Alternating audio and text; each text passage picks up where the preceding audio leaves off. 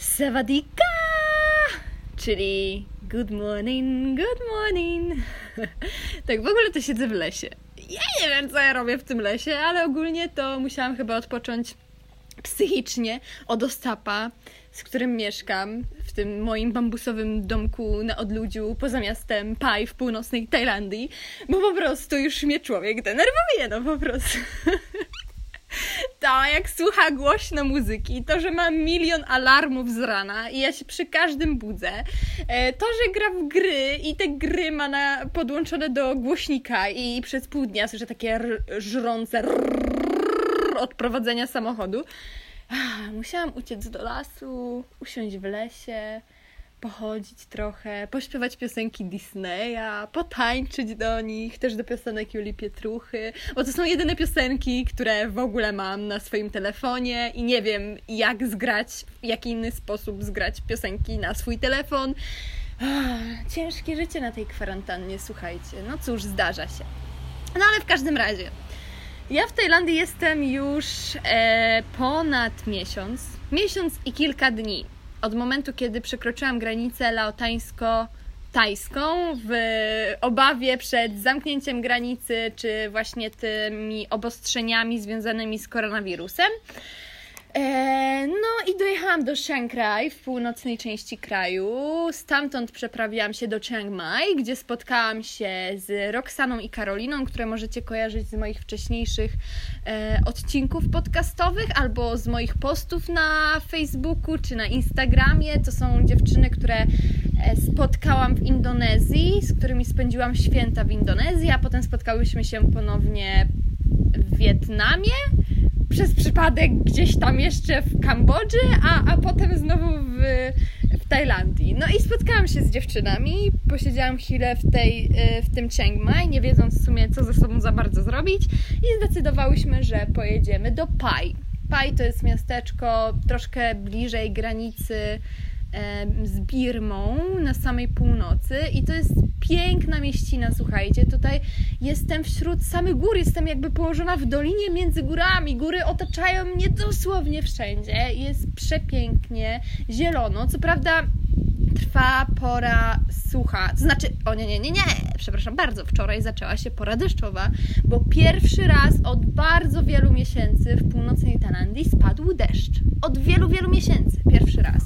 Eee, I może dlatego poczułam taki zew, nie wiem, w końcu powietrza, że wyszłam sobie do lasu tak o, nie żebym wcześniej nie wychodziła, ale od razu lepiej, przyjemniej się oddycha. Po prostu ja czuję, że oddycham w końcu. E, jest bardzo przyjemnie, fajnie, dalej gorąco, ale przynajmniej te wszystkie lasy, które zostały popalone w tym czasie, bo w porze suchej e, przez cały miesiąc, jak tu byłam, trwał też okres palenia pól przez rolników. To jest taki sposób po prostu jakby to nazwać, kurczę, nie znam się na odpowiednim e, słownictwie prawdopodobnie tego typu, ale chodzi o to, żeby, że palą łąki i pola po to, żeby to się potem na nowo odrodziło, żeby ta gleba była żyźniejsza i tak dalej. Oczywiście są bardziej ekologiczne metody, żeby to zrobić, tylko że po prostu zwykłych rolników z biedniejszych rodzin na to nie stać. Dlatego pali się pola i dlatego wszędzie prawie przez cały miesiąc był smog. Ja się zastanawiałam, jak to jest, że mieszkam w pięknie zielonych okolicach, mm, dobra, może trochę wysuszonych, ale wciąż pięknych mm, okolicach, wśród natury, przyrody, drzew, zwierząt i tak dalej, a wszędzie unosi się smog. Byłam w szoku bo chciałam uciec jak najdalej z miast, żeby tego smogu uniknąć, żeby być jak najbliżej natury. Okazuje się, że nawet uciekając do natury od smogu nie ucieknę, bo e, no, tak to się już dzieje w tym okresie w północnej Tajlandii, że po prostu wszystko palą. E, niestety zwierzęta również wtedy umierają. Rolnicy udają, że tego nie robią, bo e, nie chcą zostać za to ukarani. Więc twierdzą, że to są samoistne podpalenia. Oczywiście nie były. No i teraz chodziłam sobie po tym lesie trochę i jak tak patrzę, rzeczywiście bardzo duża część, takie połacie wręcz e, tej mieściny są spalone. Całe lasy, pola są spalone i bardzo cieszę się, że w końcu ten deszcz wczoraj spadł, bo wszystko zacznie się odradzać na nowo. Ale superancko. No i właśnie, przyjechałam do tego Pai, to już wiecie, że jestem tak e, w górach, górami otoczona, jest tu przepięknie. Najwspanialszą atrakcją, którą uwielbiam jest kanion. E, do którego chodzę pieszo, mam do niego jakieś 8 km. Ogólnie uwielbiam te okolice. Słuchajcie, tutaj rośnie wszystko, tutaj jest wszystko. W ogródku mam banany, w ogródku mam e, mango, bo mieszkam w samym sercu farmy mango. Ja może nie przepadam za mango, tak szczerze mówiąc, dla mnie jest trochę za słodkie, jakieś takie. Ja w ogóle nie jestem owocowy człowiek, ja wolę warzywa, ale ale jakbym miała zmiksować, to, to, to tak. To, I to robię, bo czasami, nie czasami, ale bardzo rzadko, bardzo często, czyli codziennie, miksuję sobie te wszystkie owoce w blenderze, bo dostałam blender od naszej sąsiadki. No ale w każdym razie, przeprowadziłyśmy się do tego Pai. E, dziewczyny poznały Ostapa w hostelu w Chiang Mai, ja go też w tym hostelu poznałam. Przyjechaliśmy wszyscy w czwórkę tutaj. Ostapowi i Roxanie nie udało się przy... A! Ujemy, ale wielki robal na mnie stanął. Oj, przepraszam, uderzyłam go. Ale chyba nie, nic mu się nie stało, dobra. Obok możesz siedzieć, ale nie na mnie, please. e, dziewczyno, e, Ostapowi i Roxanie nie udało się pokonać e, drogi z Chiang Mai do Pai autostopem, a mi Karolinie się udało, gdzie powiedzmy sobie szczerze, już była sprawa z koronawirusem ostro, ostro, ostro i myśmy nawet nie podejrzewały, że może nam się udać, a nie czekałyśmy chyba dłużej niż 10 minut, ale obie jesteśmy blondyneczkami, więc myślę, że miałyśmy trochę ułatwioną sprawę niż parka mieszana. Eee, I bez problemu w ogóle dojechałyśmy tutaj. Jechałyśmy raz z takim kierowcą pijanym totalnie, on był tak pijany, a jeszcze syn otwierał mu piwo, kurczę, w trakcie drogi. E, i on popijał to piwo, on ledwo co stał, on ledwo co widział na oczy. I słuchajcie, te drogi do Pai to jest taka typowa karuzela, to jest taki zakręt na zakręcie, wysoko w górach, więc ja byłam przerażona. Ja, się, ja leżałam na pace wśród jakichś, nie wiem co to były, e, jakieś silniki motorowe, jakieś sprzęty i gadżety i leżałam tam wśród tego na pace, a Karolina siedziała w środku no i w pewnym momencie, jak się zatrzymałyśmy, Karolina mówi, oj nie, nie, Laura, nie jedziemy z nim, bo ona miała z nim sty styczność twarzą w twarz na dobrą sprawę, więc ona wiedziała, jak on się zachowuje w samochodzie. To, że cały czas się odwraca, to, że nie panuje nad sobą i w ogóle, więc e, okej, okay, zeszłam z tej paki i mówię, dobra, idziemy dalej łapać. No i już potem zapałyśmy bez problemu, co było pięknym zaskoczeniem, bo słuchajcie, takiej gorącej atmosferze, mam na myśli atmosferze koronawirusa, e, ludzie wciąż brali autostopowiczów. To tylko zarąbiście świadczy o ludziach. Yy, ja nie będę tutaj się wdawać w dyskusję, czy to było odpowiedzialne, czy to nie było odpowiedzialne, żeby tym stopem się yy, poruszać, ale mimo wszystko, słuchajcie, tutaj wszystko wyglądało inaczej. Yy, tutaj wszystko było pootwierane, autobusy wciąż jeździły, nie było żadnych zakazów, tak jak w Europie, więc i tutaj też jest mniej samych zarażeń. E, więc nie możemy tego porównywać. No i do, dojechałyśmy do tego Pai. E, wynajęłyśmy taki mały bungalow, czyli, e, czyli domek bambusowy. Ja mieszkałam z Karoliną. Roxana mieszkała z Ostapem, ale tylko przez parę dni. W ogóle tam było świetnie, bo tam był taki piesek, który się nazywał Monkey i ja uwielbiałam bawić się z tym psem i w ogóle czułam świetną energię w tym miejscu. Był hama, gdzie mogłam sobie e, sobie poleżeć i wtedy zdecydowałam pod wpływem tego miejsca, bo to miejsce było tak dobrze zenergetyzowane, że tak powiem, że chcę zacząć pisać książkę. Że po prostu te wszystkie myśli, które mam w swoim głowie, te wszystkie przygody, ten bagaż doświadczeń, który ze sobą codziennie dźwigam, e, związany z koronawirusem, z zamykaniem granic, zmienianiem przepisów wizowych, z zniesieniem możliwości przedłużania wiz, e, z poruszaniem się autostopem w dobie koronawirusa, z odrzucaniem moich requestów przez, przez couchsurferów na couchsurfingu ze względu na koronawirusa, z autostopem, bo tyle przecież przyjechałam całą Azję autostopem i z tymi wszystkimi ludźmi, których poznałam na swojej drodze i których uwielbiam i z którymi rozmawiałam na wszelkie rodzaje tematów typu religia, kultura, ogólnie pogląd na świat. Więc chcę to wszystko, co trzymam w tym momencie w swoim umyśle, albo niekiedy w notatkach na telefonie, albo e, w postach na Facebooku, czy w tych podcastach. Chcę to wszystko spisać. E, I rzeczywiście to robię. I to jest dla mnie największe zaskoczenie, że ja to robię. Ja myślałam, że to będzie taka kolejna moja gadka szmatka, wiecie, że oho, ho, Laura Koksu znowu się czegoś podjęła, no wiadomo, nie? Kolejny projekt, który sama sobie wymyśliła. A tu nagle takie boom, mija miesiąc, a ja już mam e, ponad 70 stron takich mm, książkowych stron.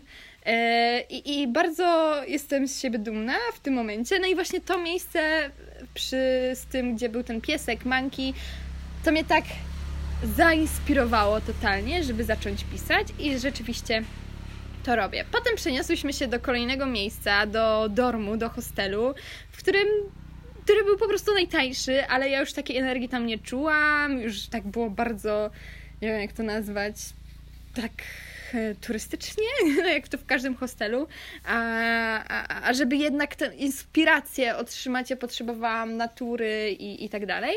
Więc z tego miejsca jeszcze kolejnego przeniosłyśmy się do następnego, czyli do kolejnego domku bambusowego. Wtedy już mieszkałam z Roxaną, a Karolina z Ostapem.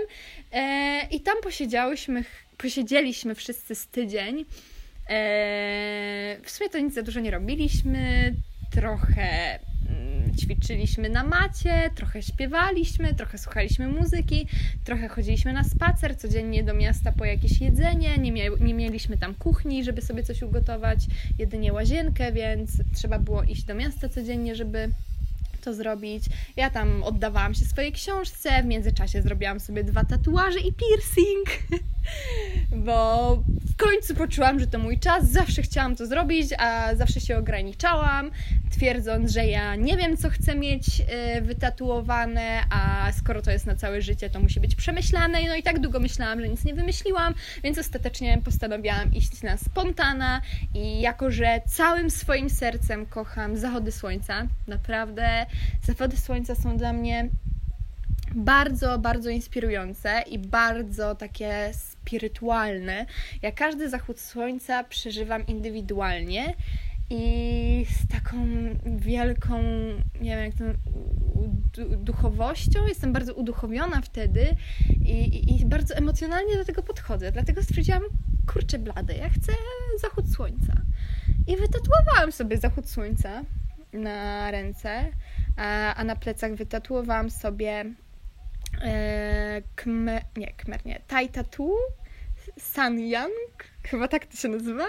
E, to jest tatuaż ochronny, tajski tatuaż ochronny, e, który często jest tatuowany na skórze na przykład mnichów albo właśnie tajów. Tajowie bardzo dużo mają tych znaków ochronnych albo znaków szczęścia e, wytatuowane na ciele. I tutaj bardzo mi się podoba ta kultura ogólnie azjatycka, już nie tylko tajska, że tutaj nie ma tego takiego tabu tatuażu, że każdy jest wytatuowany praktycznie. Czy stary, czy młody, czy to jest babcia 90-letnia, wytatuowana po szyję, bo tak to jest zakorzenione w kulturze. A słuchajcie, jak moja rodzina dowiedziała się, że zrobiłam tatuaż, to był dramat. Moja babcia, nie wiem skąd ona się dowiedziała, bo zablokowałam w ogóle możliwość e, wchodzenia na moje instastory mojej rodzinie, sorka, e, żeby się nie denerwowali po prostu. To nie wiem skąd moja babcia się dowiedziała, ale zaczęła wyzwaniać do mamy, e, krzyczeć na nią, że ona nie potrafi mnie wychować, że ja zrobiłam jakieś tatuaże, że zrobiłam kolczyk w nosie, że, e, że tragedia, że mi nie przystoi. W ogóle moja babcia całe życie uważa, że mi nie przystoi w ten sposób podróżować, że ja po prostu. Ona często myli, jako że jest tej starszej daty, myli autostop chyba z prostytucją. Nie wiem.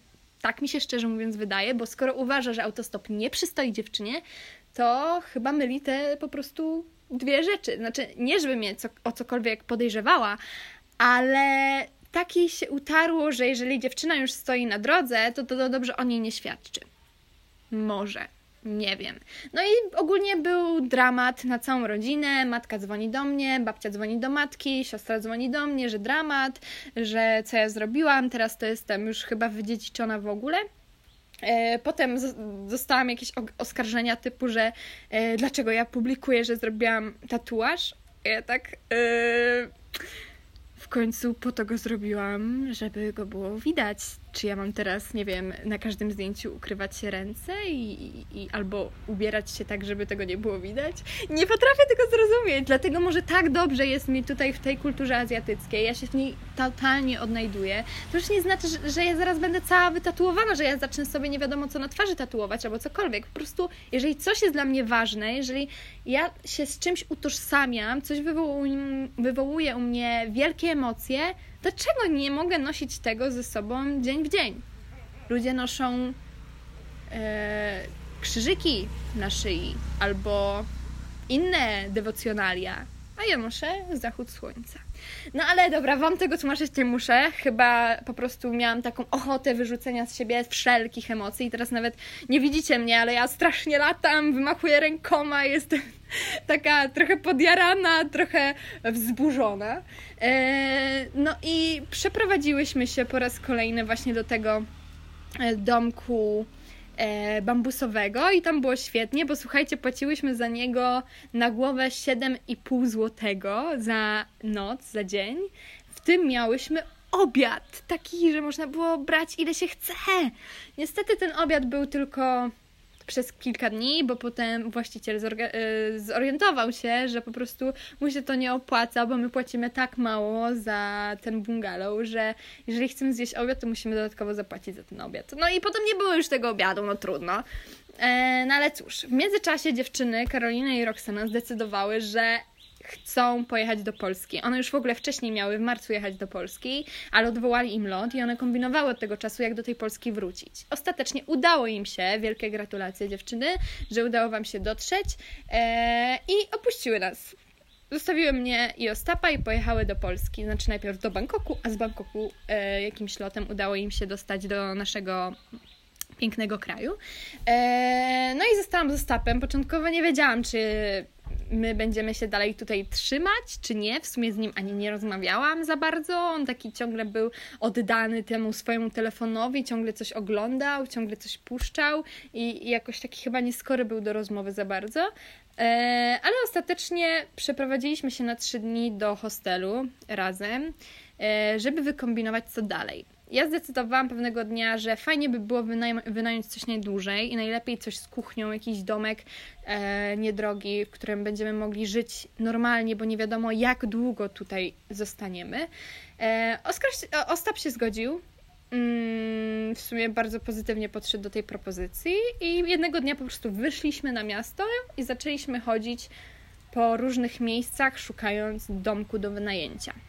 E, od innego Polaka, którego poznałam tutaj w Paj, od Tomka, dowiedziałam się wcześniej, że o takiej dzielnicy właśnie domków bambusowo-drewnianych, w której ewentualnie można pytać o to, czy te domki są dalej dostępne, czy można wynająć i tak dalej. No i w tamtą stronę poszły, poszliśmy, zaczęliśmy pytać ludzi, ludzie zaczęli nas kierować i rzeczywiście natrafiliśmy na nasz wymarzony domek, o tyle wymarzony, że właśnie pośrodku farmy mango, z bananami w ogródku, e, z papają wszędzie dookoła, z wołami kąpiącymi się w e, takich bajorach, bagnach. Wszystko obok naszego domku i, i to było piękne. Bardzo mi się ta sielska kraina spodobała, ten sielski region i, i ja wiedziałam, że chcę tam zamieszkać. Tym bardziej, słuchajcie, że cena takiego domku na miesiąc wyniosła 3,5 tysiąca batów na dwie osoby, czyli na głowę 1750 batów bodajże, tak? A to jest na głowę 250 zł za miesiąc.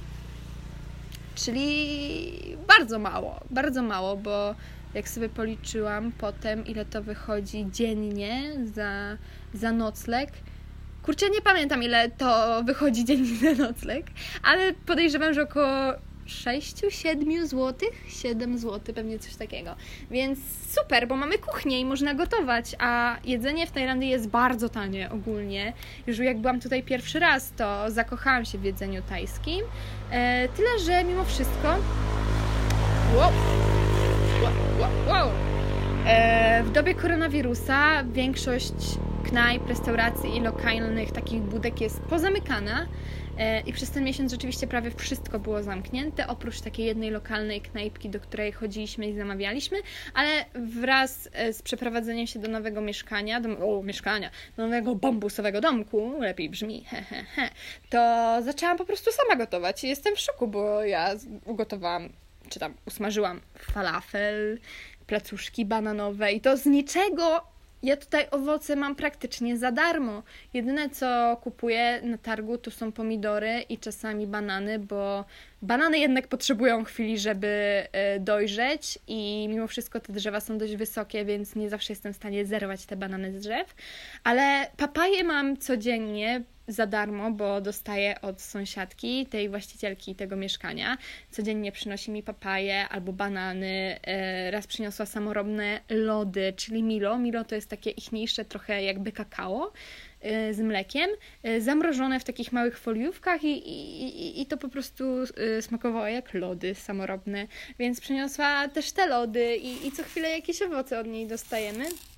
Więc super ekstra. Poza tym z drzewa można zerwać mango e, i wszystko inne. Nawet teraz tutaj jak siedzę, to mam drzewo z jackfruitem, a jackfruit to jest taki nie wiem, czy kiedyś jedliście, ale w Europie często działa jako zamiennik mięsa dla wegetarian, e, bo jak się go tam specjalnie przyrządzi, podsmaży czy coś tam z jakimś sosem, to smakuje rzeczywiście jak takie wegetariańskie mięso, bo nie jak mięso na szczęście. E, I, i, i ja na przykład jadłam e, jackfruta w Indonezji przyrządzonego w ten sposób i był pyszny, pyszny, pyszny. I właśnie zastanawiam się, czy by sobie tego jackfruta nie zerwać do domu. I nie wiem, tylko nie znam się na tym, czy on już dojrzał, czy nie, więc e, nie chciałabym zerwać niedojrzałego, bo chcę mu dać szansę, żeby, żeby jednak mimo wszystko urósł dojrzał. No i tak, słuchajcie, to sielskie życie tutaj mija. Yy, na jakichś ćwiczeniach, na jodze, na słuchanie muzyki, na chodzeniu po mieście, po lasach. Zazwyczaj po mieście i lasach, bo wszystkie prowincje są tutaj zamknięte. My nie mamy możliwości poruszania się między prowincjami kraju. Jeżeli chciałabym jechać z powrotem do Chiang Mai, to czekałaby mnie 14-dniowa e, kwarantanna. I o ile ta kwarantanna byłaby darmowa, czyli rząd, ale dużo tych motorów przy tej drodze jeździ, no co za dużo ostatnio. Eee, o ile ta kwarantanna byłaby darmowa, o tyle ja bym od razu jechała, słuchajcie. Jakbym miała dwa tygodnie przeżyć do darmo, mieć darmowe jedzenie i zakwaterowanie, no to już by mnie tu nie było. Nie, no dobra, jeszcze bym była, pewnie tak bym pojechała po, po, po miesiącu, kiedy bym się umowa z domkiem skończyła, ale to by było ekstra i ja wiem, że w niektórych krajach tak jest. Na przykład w Wietnamie jest darmowa kwarantanna, więc jeżeli tutaj by była, to by nie było tak źle, e, wręcz wspaniale. E, więc poruszać się między prowincjami nie możemy, jedynie chodzić po mieście albo po prowincji E, tutaj jest wspaniały kanion, chyba już o nim wspomniałam, i piękne są tam zachody słońca, co wygląda spektakularnie. E, okolica przecudowna, mnóstwo zwierząt, a te psy, one są tak wspaniałe. Ja nigdzie w Azji tak wspaniałych psów chyba nie poznałam. Co prawda, ja kocham wszystkie psy, żeby nie było, i, i w ogóle wszystkie zwierzęta, ale na przykład w Laosie wiele razy było tak, że bezpodstawnie one po prostu ujadały, krzyczały, a to chyba nawet ostatnio, w ostatnim odcinku mówiłam, i, i się rzucały po prostu na tego człowieka tak jakoś e, dziwacznie bezpodstawnie.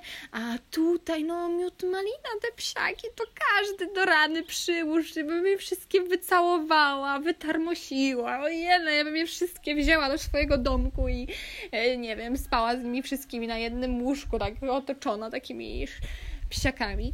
E, są cudowne i wielu z nich dotrzymuje mi tutaj e, kroku i towarzystwa za każdym razem, jak wychodzę na wieś. E, I często są to, to, te same psy, które po prostu już mnie rozpoznają, podbiegają do mnie i potem ze mną sobie wędrują. I jest, to jest świetne. No i słuchajcie, jakoś na początku kwietnia e, rząd tajski zaczynał e, zastanawiać się nad tym, czy może by nie przedłużyć wszystkim obcokrajowcom, czyli wszystkim rodzajom wiz, wszystkim osobom spoza Tajlandii, które w tym momencie się w Tajlandii znajdują, czy by im nie przedłużyć e, automatycznie wiz do końca kwietnia, tak żeby nie musieli płacić za wizę, bo przedłużenie wizy kosztuje 500 batów. Nie, 1900 batów kosztuje przedłużenie wizy na kolejny miesiąc i to jest 250 zł. A oni, rząd tajski, żeby uniknąć tłumów kolejek w urzędach imigracyjnych, e, z powodu koronawirusa, żeby ten koronawirus mimo wszystko się nie rozprzestrzeniał na prawo i lewo, e, zdecydowali, że ułatwią nam sprawę i rzeczywiście, bodajże 9 kwietnia zdecydowali o amnesty wiz do końca kwietnia, czyli ja byłam bardzo uradowana, bo moja wiza podstawowa darmowa do Tajlandii e, miała skończyć się 19 kwietnia, a to oznaczało, że miałam kolejne 10 dni darmowe w tym kraju, co mnie bardzo ucieszyło. E, po co wydawać pieniądze, skoro tak zdecydowali, więc świetna sprawa. Ja byłam bardzo zadowolona z decyzji tajskiego rządu, e, ale najlepsza decyzja najlepsza decyzja, jaką mogli podjąć, e, e, ogłoszono ją kilka dni temu i zdecydowano, że tą amnestię wizową dla wszystkich rodzajów wiz, dla wszystkich obcokrajowców, obcokrajowców znajdujących się aktualnie w Tajlandii, przedłużają, słuchajcie, słuchajcie, słuchajcie, uwaga, uwaga, uwaga, bum, bum, bum, bum, bum, bum, bum, bum, bum. Jeszcze 90 dni! Woo! Do końca lipca! A, jeszcze trzy miesiące, słuchajcie, przydłużyli nam ostatecznie wizę jeszcze o trzy miesiące, czyli ja mogę sobie siedzieć i nic nie robić w Tajlandii do końca lipca i nie ponosić żadnych e, kosztów z tym związanych, to znaczy z samym mm, pobytem tutaj, tak? Mam na myśli opłatą przedłużenia wizy, bo tam mieszkanie swoją drogą. Tak łatwo nie ma. Ale mimo wszystko, możemy zostać do 31 lipca e, i uważam, że jest to bardzo dobra decyzja, bo dzięki temu oni uratują swoją gospodarkę. Na pewno mnóstwo ludzi już myślało o tym, tych, którzy tutaj ugrzęźli, tak jak my, żeby wydostać się z Tajlandii, przedostać się gdziekolwiek, ale w tym momencie, kiedy nie muszą płacić za wizę, pewnie większość zdecyduje, że zostanie i to się opłaci to się Tajlandii po prostu najzwyczajniej w świecie opłaci, bo turyści wciąż będą wydawali pieniądze tutaj, będą kupowali lokalne jedzenie, lokalne produkty. E, z czasem, jak wszystko potwierają, wciąż będą mm, korzystać z lokalnych atrakcji. Więc to jest świetna sprawa. A słuchajcie, co jest bardzo pocieszające, no ile tutaj tego wszystkiego jeździ, no? A nie jestem przy samej ulicy, a głośno słychać, prawda? Mimo wszystko. Eee, o czym ja mówiłam? Zawsze się gubię w takich momentach. No i. A, i mówiłam o tym, że powoli, powoli, ale jednak otwierają, otwierają nam paj. Otwierają tą naszą mieścinę z, z tego względu. Obserwuję to na każdym kroku, kiedy kolejnego dnia wychodzę na miasto i widzę, że kolejna restauracja jest otwarta. Kolejny sklep jest otwarty. Kolejna kawiarnia jest otwarta. Jakaś budka lokalna się postawiła Wow! Mamy 26 kwiecień i słuchajcie, powoli ta mieścina się otwiera, więc czekam na to, aż otworzą mi prowincję, żeby mogła przedostać się między prowincjami, a potem chciałabym bardzo wyjechać do Birmy, więc jeszcze muszą mi tylko granice otworzyć. To może potrwać trochę dłużej, więc mm, możliwe, że będę musiała przedłużyć swój pobyt o kolejny miesiąc tutaj, w tym mieście, żeby potem przedostać się do Birmy, ale zobaczymy. Ale zobaczymy. Nie mówię hop. Nie wiem, co będzie, nie mam zielonego pojęcia, jakoś się tym za bardzo teraz nie przejmuję. Mogę wszystko. Jestem w pięknym miejscu na świecie i jest mi tutaj dobrze. Póki co o powrocie także nie rozmyślam. Jedynie cały czas mi ta Birma w głowie, bo tyle pięknego słyszałam o ludziach w Birmie, że ja po prostu marzę o tym, żeby ich poznać, żeby tego doświadczyć, żeby z nimi porozmawiać, żeby zasiąść z nimi przy jednym stole. Nie wiem, już chciałabym sama nawet coś ugotować. Już nie mówię o próbowaniu lokalnych dań, chociaż i tak bym chciała, mimo wszystko. To jakoś mnie to tak ciągnie. A co ciekawe, ja pierwszy raz jak przyjechałam do Tajlandii, to byłam sceptycznie nastawiona do Tajlandii. Mi się Tajlandia w ogóle nie podobała. A teraz jestem tutaj miesiąc w jednym miejscu i bardzo lubię Tajlandię. Powiem Wam, że bardzo mi się Tajlandek podoba, a Tajowie są przecudni, oni są kochani. I wiecie, co oni zorganizowali? No. Oni organizują w różnych miejscach w kraju zbiórki jedzenia dla obcokrajowców, którzy zostali w tym kraju i już nie mają pieniędzy, a są wciąż zamknięci i nie mogą wyjechać. I Tajowie, słuchajcie, organizują zbiórki jedzenia, e, podchodzą do tych obcokrajowców, których już znają, bo zazwyczaj to są takie mieściny jak moja, że tych obcokrajowców się zna, bo dzień w dzień e, przez cały miesiąc mijamy się gdzieś tam na ulicy, e, więc i czasami widzi się frustrację na twarzy takich obcokrajowców, którym na przykład już brakuje pieniędzy, bo dawno mieli być w domu, bo zrobili sobie wakacje i nie spodziewali się, że teraz o wszystko się tak zamknie o, i nie będą mieli jak wyjechać. I Tajowie organizują dla nich e, jedzenie i im to jedzenie wręczają tak dzień w dzień, jakiś ciepły posiłek, obiad, mm, e, postulując to na Facebooku, na różnych grupach. Ja jestem w takich różnych grupach tajskich, z samej ciekawości chociażby, i widzę to, jak to publikują i obcokrajowcy, i publikują właśnie Tajowie, że jeżeli ktoś jeszcze potrzebuje czegoś, to e, ma, mamy się zgłaszać, że nie ma problemu. No coś pięknego.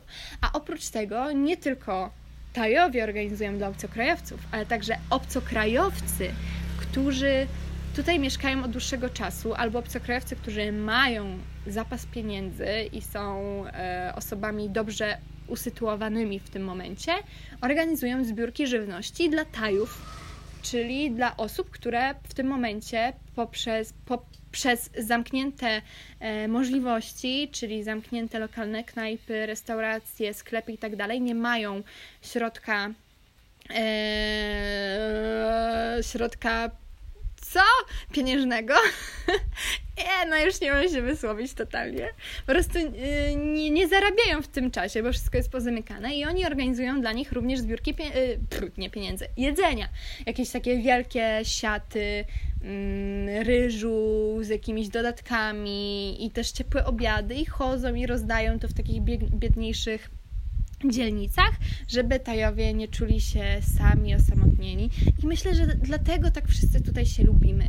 Dlatego Tajowie tak kochają obcokrajowców, a obcokrajowcy kochają Tajów. No, ci ludzie są naprawdę świetni. Każdy się uśmiecha. Ja za każdym razem, jak wychodzę na miasto, no to wszyscy do mnie e, sawadika, ja do nich sawadika, wszystkim się kłaniam, wszyscy kłaniają się mi.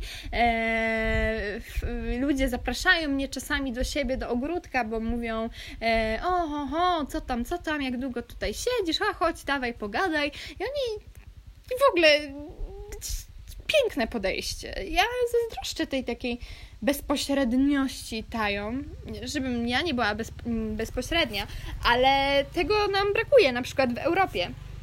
Mimo wszystko i, i tutaj jest to jest piękne, że oni w ten sposób podchodzą do życia, podchodzą do ludzi i, i nie traktują nas, tak jak w Wietnamie, jako typowy worek pieniędzy. Oczywiście to, wszędzie, to wszędzie jest odczuwalne. I tutaj też, że mimo wszystko jestem osobą, która wydaje tutaj pieniądze, ale nie jestem tutaj postrzegana jako typowy worek pieniędzy, tylko jako osoba, która ewentualnie wspomaga gospodarkę. I to brzmi dużo, dużo lepiej.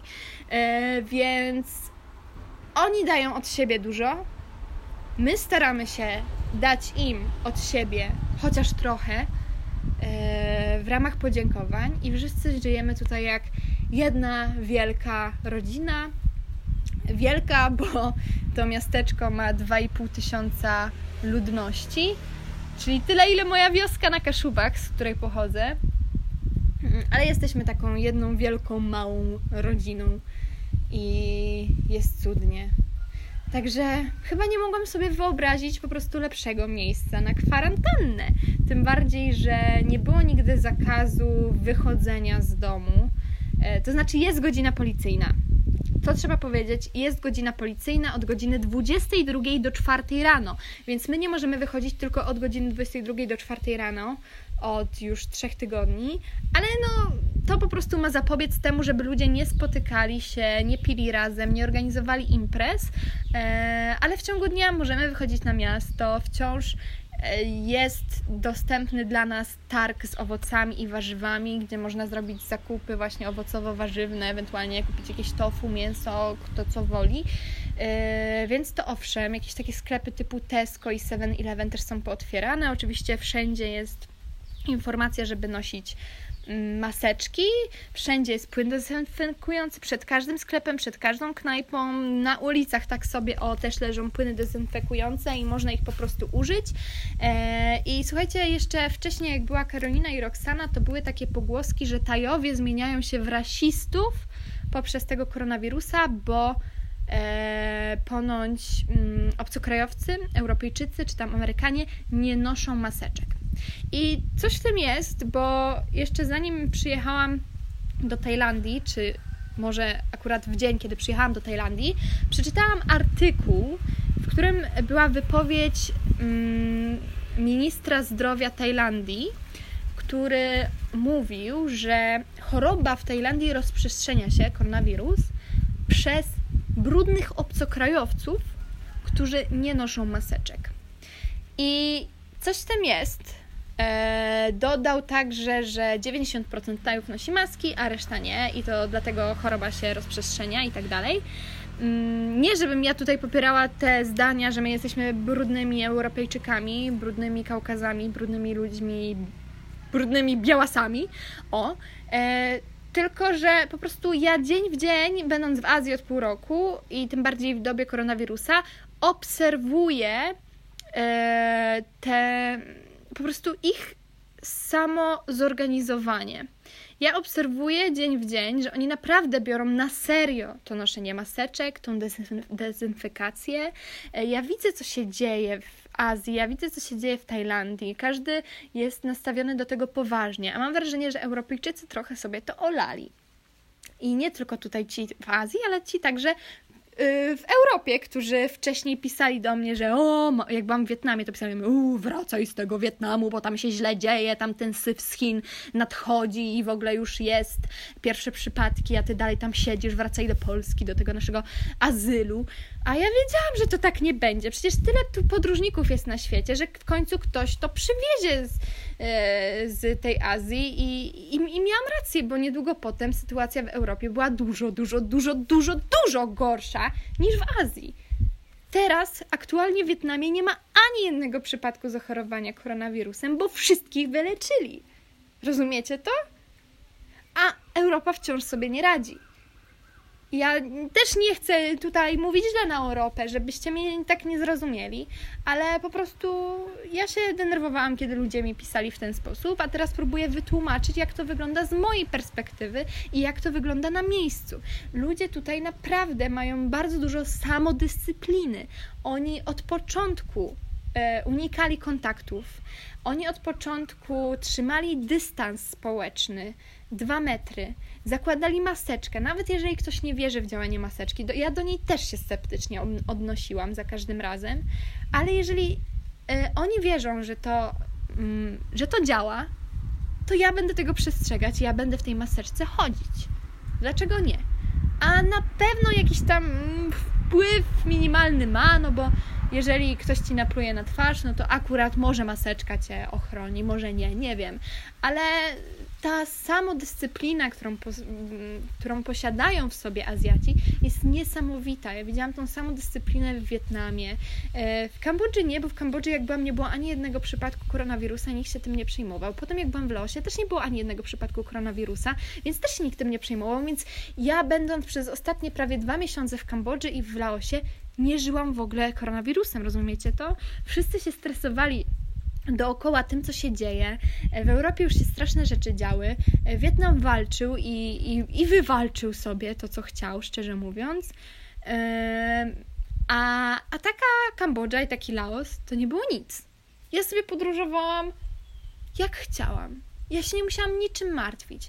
Dlatego ja nie podchodziłam do tego poważnie. Ja przez długi czas nie myślałam o tym wirusie na poważnie, bo to mnie nie dotyczyło to mnie po prostu nie dotyczyło. Te statystyki, które czytałam dzień w dzień w internecie, to były dla mnie numerki. Ci ludzie byli, ci umierający ludzie, czy zakażeni, zakażeni ludzie byli dla mnie tylko numerkami, numerkami. Ja się tego teraz wstydzę, bo to byli ludzie, ja ich nie znałam, ale y, ta zaraza ich mimo wszystko zabrała ze sobą.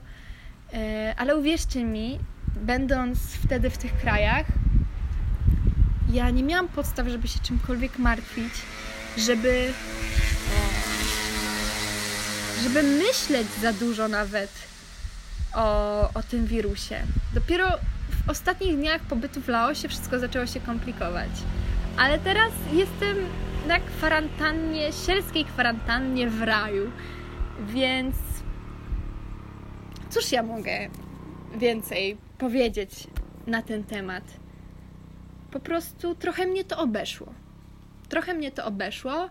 Mimo wszystko e, potrafię podejść do tego krytycznie, potrafię się skrytykować niekiedy działania swojej rodziny, a najczęściej dziadków, którzy sobie też bagatelizowali to, ale są w takim wieku, no powiedzmy sobie, zagrożenia e, dość ostrego, więc ja bym na ich miejscu trochę poważniej do tego podeszła.